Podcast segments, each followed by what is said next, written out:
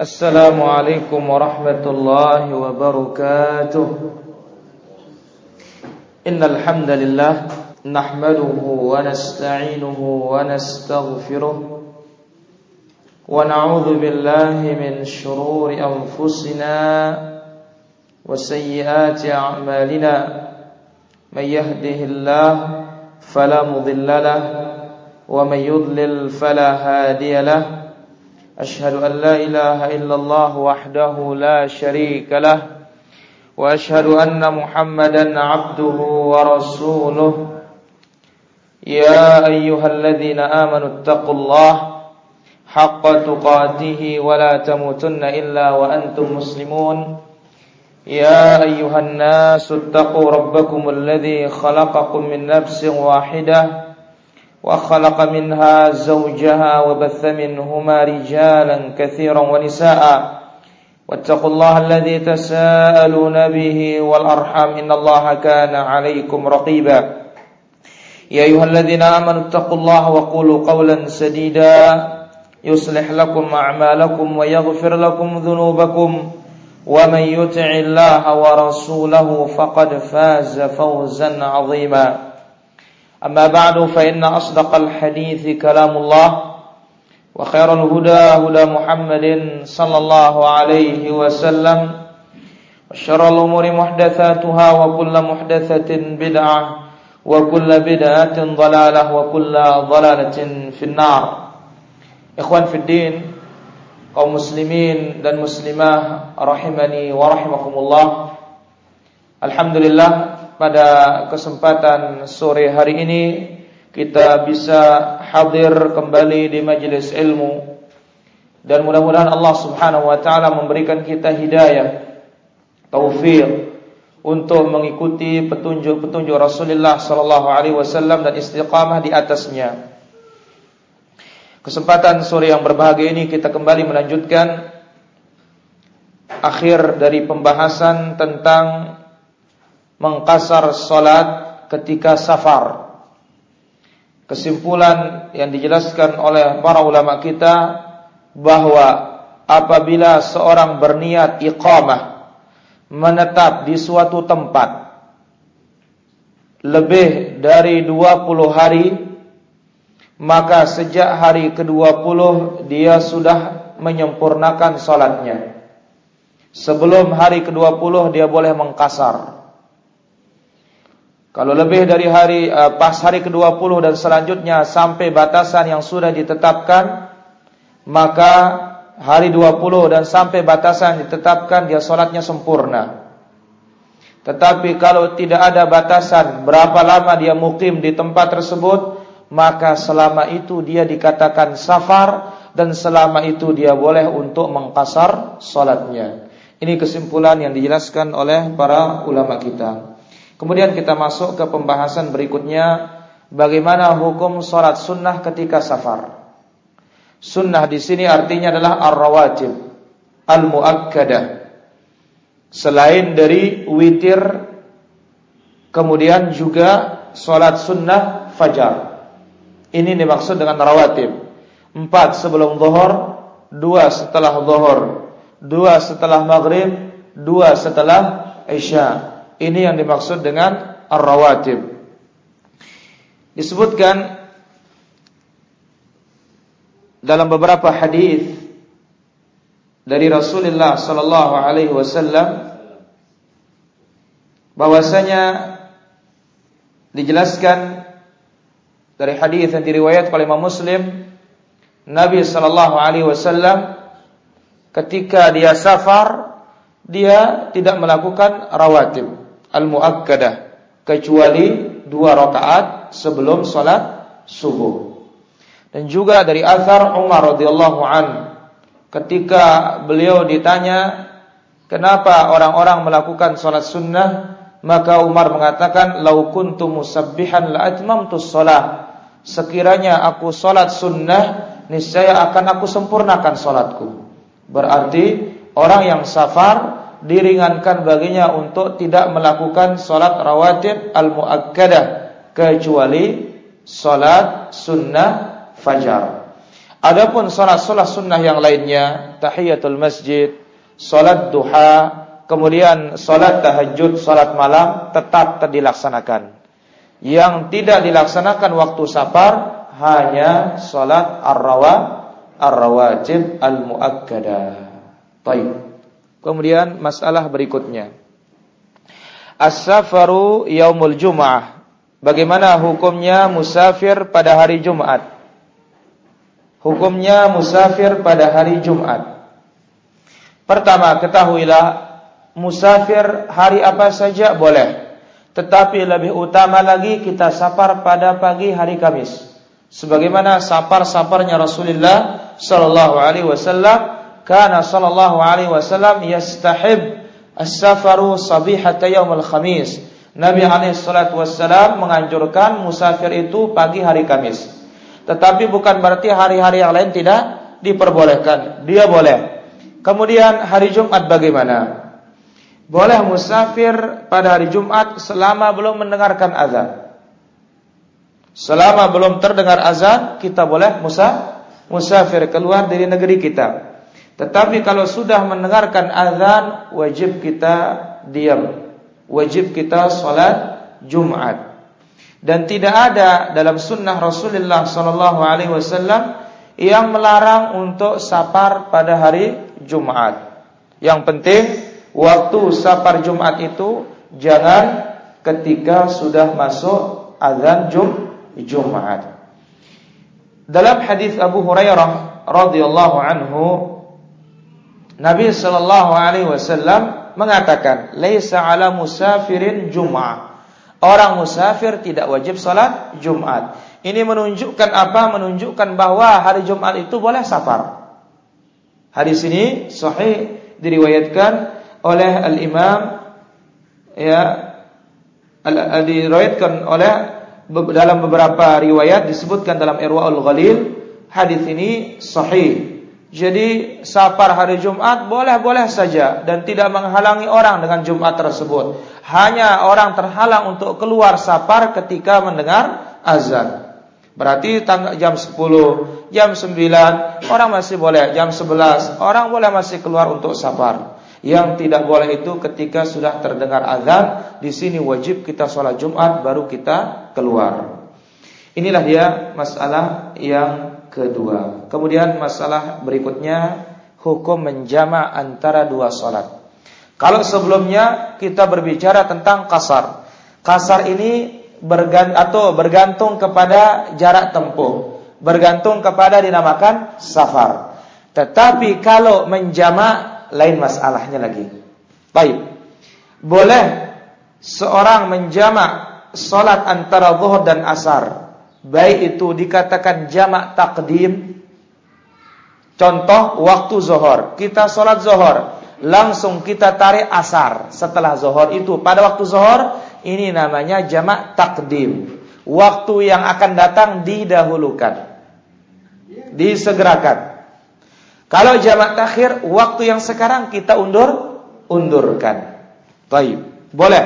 Kemudian juga maghrib isya juga boleh tidak ada ya jamak selain dari empat solat ini saja.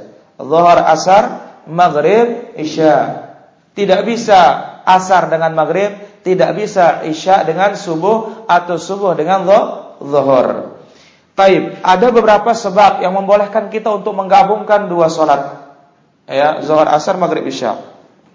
Yang pertama, ketika kita di Arafah bagi yang haji. Kemudian juga di Musdalifah bagi yang haji. Berarti kalau di Mina bagaimana? Adanya kasar saja. Jamak tidak tidak ada. Hatta pada hari 10, 11, 12, 13. Adanya hanya salat pada waktunya dengan dikasar, dipersingkat saja. Boleh jamak itu kapan? Waktu di Arafah pada tanggal 9. Kemudian waktu di Muzdalifah malam tanggal 10. Taib. Dengan beberapa dalil dari Rasulullah sallallahu alaihi wasallam. Pertama dari Abu Ayyub yang diriwayatkan Imam Al-Bukhari, anna Rasulullah sallallahu alaihi wasallam jama'a fi hajjatil wada' al-maghrib wal isya'a bil Muzdalifah. Nabi alaihi salatu wassalam menggabungkan antara maghrib dan isya di Muzdalifah. Berarti termasuk kesalahan para jamaah haji ketika dia telat keluar dari Arafah, dia menjamak maghrib isya di Arafah. Ini banyak. Padahal Arafah itu haknya hanya dua solat, zuhur dan asar saja. Maghrib dan isya itu tempatnya di Muzdalifah. Taib. Itu yang pertama. Kapan kita mulai menjamak? Ketika kita berhaji waktu berada di Arafah dan Muzdalifah. Itu sekaligus jamak kasar. Zuhur tanggal 9 di Arafah. Azan, khutbah. Kemudian qamat. Zuhur dua rakaat. Salam, qamat. Asar dua rakaat. Salam, zikir doa sampai tenggelam matahari. Tenggelam matahari belum sempat keluar dari dari Arafah tetap sabar. Jangan dulu salat. Salat ini tetap nanti maghrib isyanya di Muzdalifah. Meskipun sudah masuk waktu isya atau bahkan jam 10 malam kita sampai Muzdalifah, silahkan azan, qamat, salat maghrib 3 rakaat. Salam, qamat, salat isya 2 rakaat. Masalah Perlukah kita sholat witir di Muzdalifah? Khilaf para ulama. Yang mau witir silahkan, yang tidak witir juga tidak mengapa pada malam Muzdalifah itu. Satu. Yang kedua, kapan kita boleh menggabungkan Zohar Asar Maghrib Isya ketika safar? Ketika safar, baik masih di kampung maupun sudah berjalan. Kita boleh menja menjamak. Dari Muadz bin Jabal bahwasanya Nabi sallallahu alaihi wasallam kana fi ghazwati Tabuka, waktu berada di perang Tabuk. Idza irtahala qabla zaygh syams Kalau Nabi berangkat keluar dari kota Madinah sebelum matahari condong ke arah barat sebelum zuhur, akhara dhuhr. Salat zuhur diakhirkan, Nabi tetap keluar hatta yajma'aha ilal asr yusalliha jami'an. Nanti Nabi jamak dia pada waktu asar. Nah, berarti kalau sudah jalan otomatis zuhur dua rakaat, asar dua rakaat. Wa idza irtahala ba'da zaygh syams. Kalau Nabi berangkat safar setelah zuhur, masuk waktu zuhur, Nabi sholat zuhur di rumah, di masjidnya, empat rakaat. Thumma al-asr jami'aha. Setelah zuhur kamat, sholat asar empat di masjidnya juga. Baru setelah itu berang, berangkat. Berarti apa? Kalau sebelum waktu zuhur atau sebelum waktu maghrib kita keluar dari kampung menuju menuju tempat tujuan safar, maka kita nanti sholat jamak kasar di jalan. Kalau kita keluar setelah melakukan sholat yang ada, zohor atau maghrib, maka langsung saja di jamak di masjid. Atau yang ibu-ibu di rumah. Tetapi harus sempur sempurna. Empat zohor, empat asar tiga maghrib, empat isya. Hadis ini sahih diriwayatkan oleh Imam Ahmad. Yang ketiga, al-matar. Ketika hujan. Tetapi siapa yang menjamak yang hujan ini yang di masjid, bukan yang di rumah. Yang sudah naik masjid pada waktu zuhur tentunya. Pada waktu mag maghrib. Karena kalau kalau asar hujannya apa mau dijamak? Kalau isya hujannya apa mau dijamak? Berarti naik di waktu zuhur hujan. Selesai salam tetap juga hujan. Di sini kita akan kamat langsung sholat asar am, empat. Waktu maghrib naik, ada datang hujan, salam maghrib tetap aja hujan. Kamat isya am, empat. Mana dalilnya? Dari Ibnu Abbas radhiyallahu anhuma anna an-nabiyya sallallahu alaihi wasallam shalla Madinati sab'an wa thamaniyan. Nabi salatnya di Madinah tujuh dan delapan. Mana maksudnya tujuh delapan? Maghrib Isya. Tiga tambah empat. Mana delapan? Zuhur ah, asar. Al-Zuhra wal Asra wal Maghrib wal Isya. Faqala Ayyub Ayyub As-Sakhtiyani mengatakan, jangan-jangan Nabi itu jamahnya waktu hujan. Qala asa, iya, Nabi itu jamak di waktu hujan. Hadis ini sahih diriwayatkan oleh Imam Al-Bukhari dan juga diriwayatkan oleh Imam Muslim. Dalam riwayat yang lain dari Ibnu Abbas radhiyallahu anhuma jama'a Rasulullah sallallahu alaihi wasallam adh-dhahri wal 'asri wal maghrib wal 'isya Madinah. Nabi menjamak menggabungkan antara zuhur, asar, maghrib, isya di Madinah. Min fi ghairi khaufin wala matar. Tidak ada takut, tidak ada hujan. Ya, tidak ada takut, tidak ada hujan. Taib.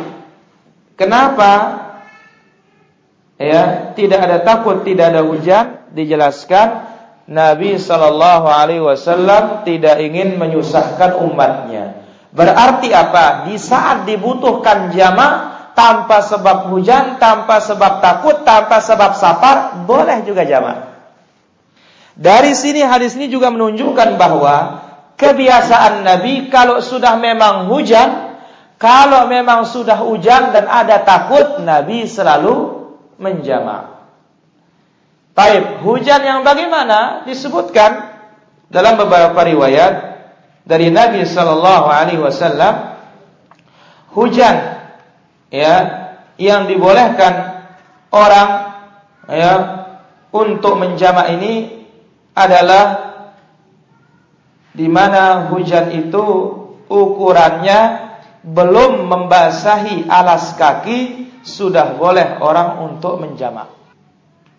Belum membasahi sandal. Alas sandal kita. Ya, artinya ukuran jalan tidak basah.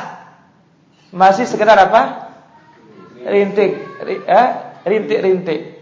Hujan kecil sudah boleh orang menja menjamak. Yaitu dalam hadis Ibnu Abbas radhiyallahu anhuma dikatakan bahwa pada suatu saat hujan di hari Jumat. Maka Nabi Shallallahu maka Ibnu Abbas merintahkan sallu fi buyutikum.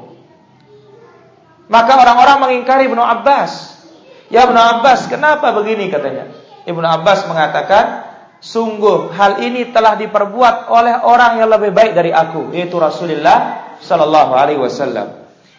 Jumat itu wajib, tetapi karena hujan Aku tidak mau mengeluarkan kalian di saat ada lumpur dan hal-hal yang membahayakan kalian. Yang mana hujan disebutkan belum membasahi alas-alas kaki mereka.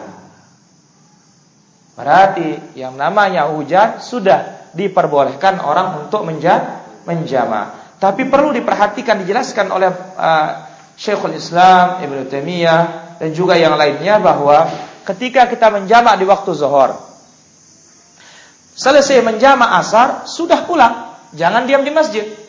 Karena kalau diam di masjid sampai datang waktu asar, harus sholat lagi. Demikian juga, hujan maghrib, jama isya, jangan menunggu sampai datang waktu isya. Harus pulang. Karena kalau bertemu dengan isya kembali, harus sholat lagi. Inilah dia. ya Sebab yang ketiga, yang membolehkan kita untuk jama, yaitu apa? Hujan. Tayyib. Tentu yang jamak ini yang berada di dalam mas masjid sebagaimana penjelasan Syekhul Islam Ibnu Taimiyah rahimahullah taala. Apa kata Ibnu Taimiyah masalah jamak ini? Wasuila rahimahullah. Beliau ditanya tentang seorang menjadi imam. Hujan telah tiba, salju telah turun. Lantas imamnya ingin sholat maghrib dikatakan oleh makmumnya, silahkan jamak kita hujan ini. Faqala la af'al. Imamnya mengatakan tidak. saya nggak mau jamak. Fahal lil ma'mumin an yusallu fi buyutihim amla? Bolehkah para makmum sholat di rumahnya? Dia pulang di rumahnya, di rumah dia sholat? Fa'ajaba Ibnu Taimiyah menjawab, Alhamdulillah. Beliau mengatakan segala puji bagi Allah. Naam yajuzul jam'u lil wahli syadid. Boleh menjamak ketika lumpur yang begitu hebat di jalan. Boleh menjamak. Warihus syadidah al-baridah. Angin yang begitu kencang meniup, eh, meniup, kemudian dingin sekali, boleh menjamak. Fil lailatil di tengah malam yang gelap gulita dan semisalnya. Wa illam yakunil matar nazilan meskipun hujan tidak turun. Dalam pendapat ulama yang paling kuat. Itu lebih utama dia menjamak di masjid ketimbang dia sholat di rumahnya. Artinya kalau sudah naik mas masjid. Bal tarkul jam'i ma'as salati fil buyut. Bahkan tidak salat jamak di masjid, salat di rumah. Ya, setelah salat maghrib pulang di rumah. Salat masing-masing isyanya di rumah. Bid'atun mukhalifatun lis sunnah. Itu bid'ah menyelisih sunnah. Idh sunnatu an tusalla salatul khamsil fil masajid jamaah. Sunnahnya kita sholat lima waktu di masjid berjamaah itu lebih utama daripada sholat di rumah masing-masing. Inilah dia. Jadi kalau sudah naik masjid di sana tempat kita menja menjamaah. Taib. Sebab yang keempat, al marad sakit. Orang sakit boleh menjamaah. Dengan dalil Allah berfirman, "Ma ja'ala 'alaikum fid dini min haraj." Allah Subhanahu wa taala tidak menghendaki kesusahan atas kalian di dalam beragama. Kemudian juga Allah berfirman wala 'alal maridhi haraj. Orang sakit itu tidak mengapa dia tidak berangkat berji, berjihad. Maka kebutuhan orang sakit terhadap jamak lebih daripada kebutuhan orang musafir terhadap jamak. Demikian juga orang yang turun hujan baginya. Mungkin lebih berat orang sakit. Ya.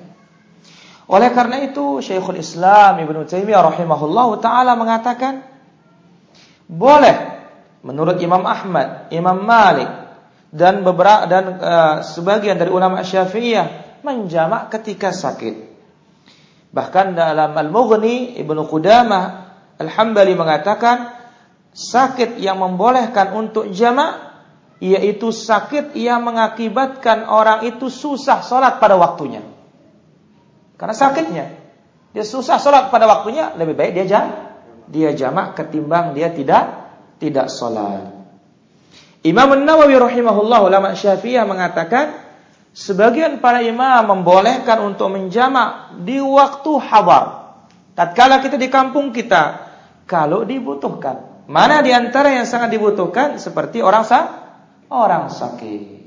Inilah dia yang keempat di antara hal-hal yang diperbolehkan atau tempat yang orang-orang diperbolehkan untuk menjamak orang yang sakit. Bahkan disebutkan dari Athar Ibnu Abbas, Ibnu Abbas pada suatu hari berkhutbah setelah asar sampai tenggelam matahari dan bintang kelihatan. Orang-orang mengatakan, "Oi, maghrib, maghrib, maghrib." Ibnu Abbas ceramah. Ceramah selesai asar sampai maghrib. Besar waktu sudah. Sampai kelihatan bin bintang. Orang mengatakan solat solat solat Qala faja'a rajulun min Bani Tamim la yaftur wa la. Datang seorang dari Bani Tamim yang kuat, kekah, kekar. Dia mengatakan, As-salah, as-salah, salah, salah Ibnu Abbas. Ini maghrib sudah mau habis, ngapain ini? Mau ceramah terus. Faqala Ibnu Abbas, Ibnu Abbas mengatakan, "Atu'allimani bis sunnah?" Kamu mau mengajar saya sunnah? Apa kamu mau mengajar saya sunnah? Kemudian dia mengatakan, "Aku melihat Rasulullah sallallahu alaihi wasallam menjama antara zuhur dengan asar, maghrib dengan isya." Berarti apa? Ibnu Abbas mengakhirkan di sini sholat maghribnya ingin ja, jamak. Berarti apa? Kalau memang dibutuhkan boleh saja jamak. Hada. Qala Abdullah bin Syaqiq. Abdullah bin Syaqiq mengatakan tabi'in, "Fahaka fi sadri min dzalika syai'." Kok saya tidak menerima alasan Ibnu Abbas ini katanya. Dia ceramah dari selesai asar sampai mau masuk isya ini katanya. Kok enggak sholat maghrib pada waktunya? Padahal Nabi mengatakan apa? Seabdul-abdul amalan sholat di awal waktunya. Tapi apa? Yang paling paham arti sholat di awal waktunya juga para sahabat. Di sini apa? Berarti boleh menja menjamak kalau memang dibutuhkan. Ya dia menginginkan jamak, ya mungkin ceramahnya tidak bisa diputus, kalau putus mungkin bubar nanti. Boleh untuk dijamak. Ya. Akhirnya Abdullah bin Syakik ini merasa tidak enak di hatinya. Kok saya tidak bisa menerima apa kata Ibnu Abbas ini? Fa'ataitu Abu Hurairah fas'altu fasaddaqa maqalatahu. Akhirnya aku datang kepada Abu Hurairah menjelaskan apa yang dikatakan oleh Ibnu Abbas, apa yang diperbuat oleh Ibnu Abbas, maka Abu Hurairah membenarkan, benar katanya itu. Maka inilah dia kalau kita punya ilmunya gampang saja. Ada huwa. Jadi hadis ini sahih diriwayatkan atau asar ini sahih diriwayatkan oleh Imam Muslim. Jadi sangat kuat sekali. Baik, itu yang keempat, sakit. Yang kelima, al-hajatul aridah, kebutuhan yang mendesak, tidak bisa tidak. Sampai kita harus meninggalkan satu waktu, maka jalan keluarnya kita jamak.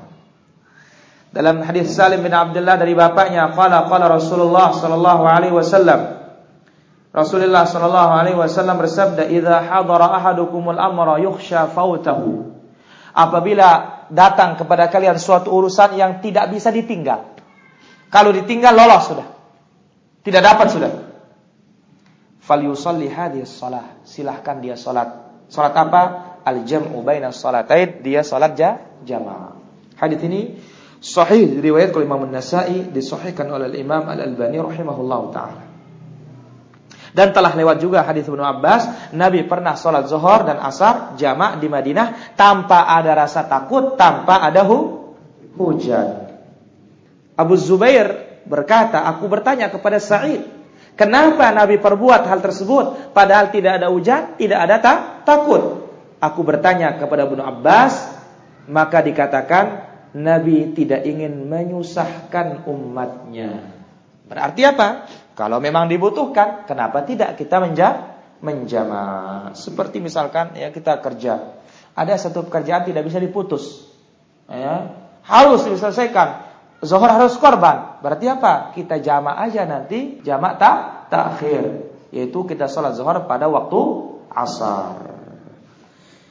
Inilah dia ya beberapa hal yang diperbolehkan untuk menjama. Sekali lagi ya kita menjamak di Arafah dan di Muzdalifah, kemudian yang kedua musafir, yang ketiga hujan, yang keempat sakit dan yang kelima kebutuhan yang mendesak yang tidak bisa ditinggal.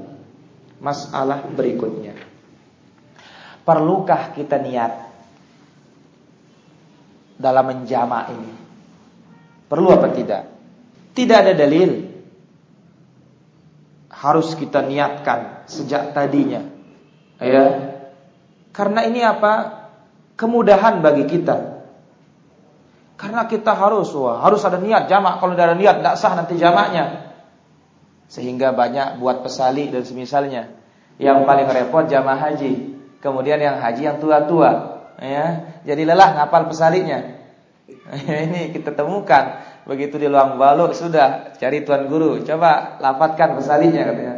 Itu aja diapalin. Zikirnya waktu naik waktu naik bukit sofa bukit marwah nggak apa la ilaha illallah. Ya. Jadi kalau dia harus pokoknya harus disyaratkan harus niat ya untuk jama ya, usalli fardhu zuhri majmu'an ilaihil asr asran. Eh, ya jadi kalau diniatkan harus niat, padahal itu bukan niat nawaitu itu. Artinya yang di hati ini harus. Kita ini sekarang mau jamak, kita ini mau kasar. Kalau harus seperti itu, ini menghilangkan maksud dari meringankan. Sedangkan namanya jamak kasar itu meringan, meringankan. Oleh karena itu, kalau kita melihat perjalanan Nabi waktu sholat, jamak kasar, tidak pernah Nabi mengumumkan. eh kita sholat jamak sekarang. Enggak.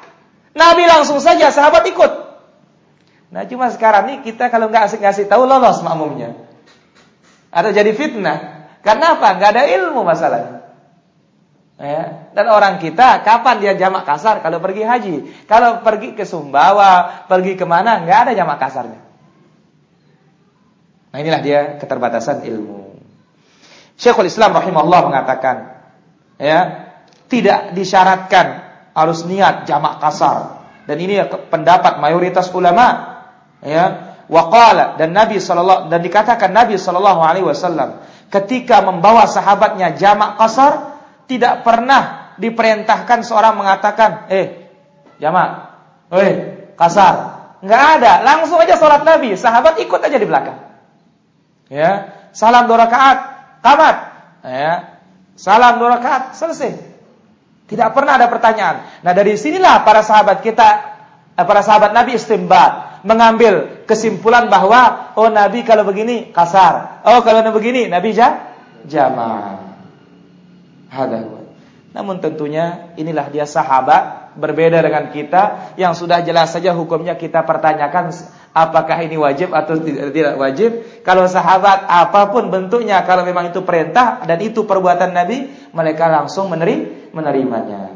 Inilah dia masalah berikutnya. Baik, masalah selanjutnya. Jadi tidak perlu disyaratkan eh kita jamak, eh kita kasar.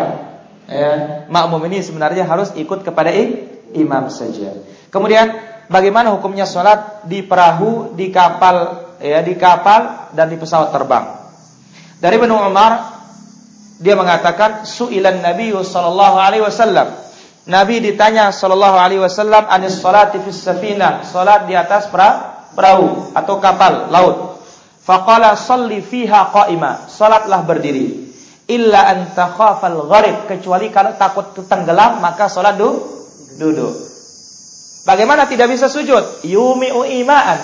Dia dengan tubuhnya direndahkan. Sujudnya lebih rendah dari ruku rukunya. Adapun bersedekap tetap. Ya. Allahu akbar. Allahu akbar. Ya ruku agak rendah. Sami Allah liman hamidah. Sujudnya lebih rendah lagi. Allahu akbar. Ya. Tidak perlu menaruh bantal, menaruh apa di depannya. Inilah dia dimaksud dengan firman Allah, "Fattaqullaha mastata'tum." Bertakwa kepada Allah semampu kita. Wa yanbaghi al-iltifat ila awwaliyati itmamir ruku' was sujud fihima. Dan perlu diperhatikan ketika sholat di atas pesawat atau di atas kapal laut ini ruku harus sempurna, sujud juga harus sempurna. Ya. Dari Abdullah ibn Abi Utbah dia mengatakan aku bersama Jabir bin Abdullah dan Abu Sa'id Al-Khudri dan Abu Hurairah di atas kapal laut. Fasallau qiyaman fi jamaah. Mereka salat berdiri, dipimpin oleh seorang imam. Wahum yaqdirun 'alal jid asyati. Padahal mereka mampu untuk salat nanti di mana? Di laut, di dar, di darat. Tapi mereka apa? Menjaga yang namanya waktu menjaga namanya waktu sehingga mereka tidak terhalangi untuk sholat di mana di mana pun. Ini banyak kejahilan di jamaah haji kita. Di atas pesawat tidak mau sholat. Ya, padahal dia mampu juga untuk berdiri. Ya, mampu untuk berdiri dan semisalnya. Tetapi dia menunggu nanti waktu turun. Lihat para sahabat Nabi Sallallahu Alaihi Wasallam menjaga yang namanya sholat di awal di awal waktunya, meskipun mereka berada di atas kapal. Nah inilah dia para jamaah rahmat Allah Azza wa Jalla Beberapa hal yang bisa kita ambil pada kesempatan sore hari ini InsyaAllah pada pertemuan berikutnya kita masuk ke masalah Al-Jumu'ah Salat Jum'at Demikian kajian kita pada kesempatan sore hari ini Yang berkaitan dengan masalah Al-Jama' Ya beberapa tempat kita menjamak dan menggabungkan salat kita. Demikian wassalamualaikum warahmatullahi wabarakatuh. Wa ala alihi wa sahbihi wasallam walhamdulillahi alamin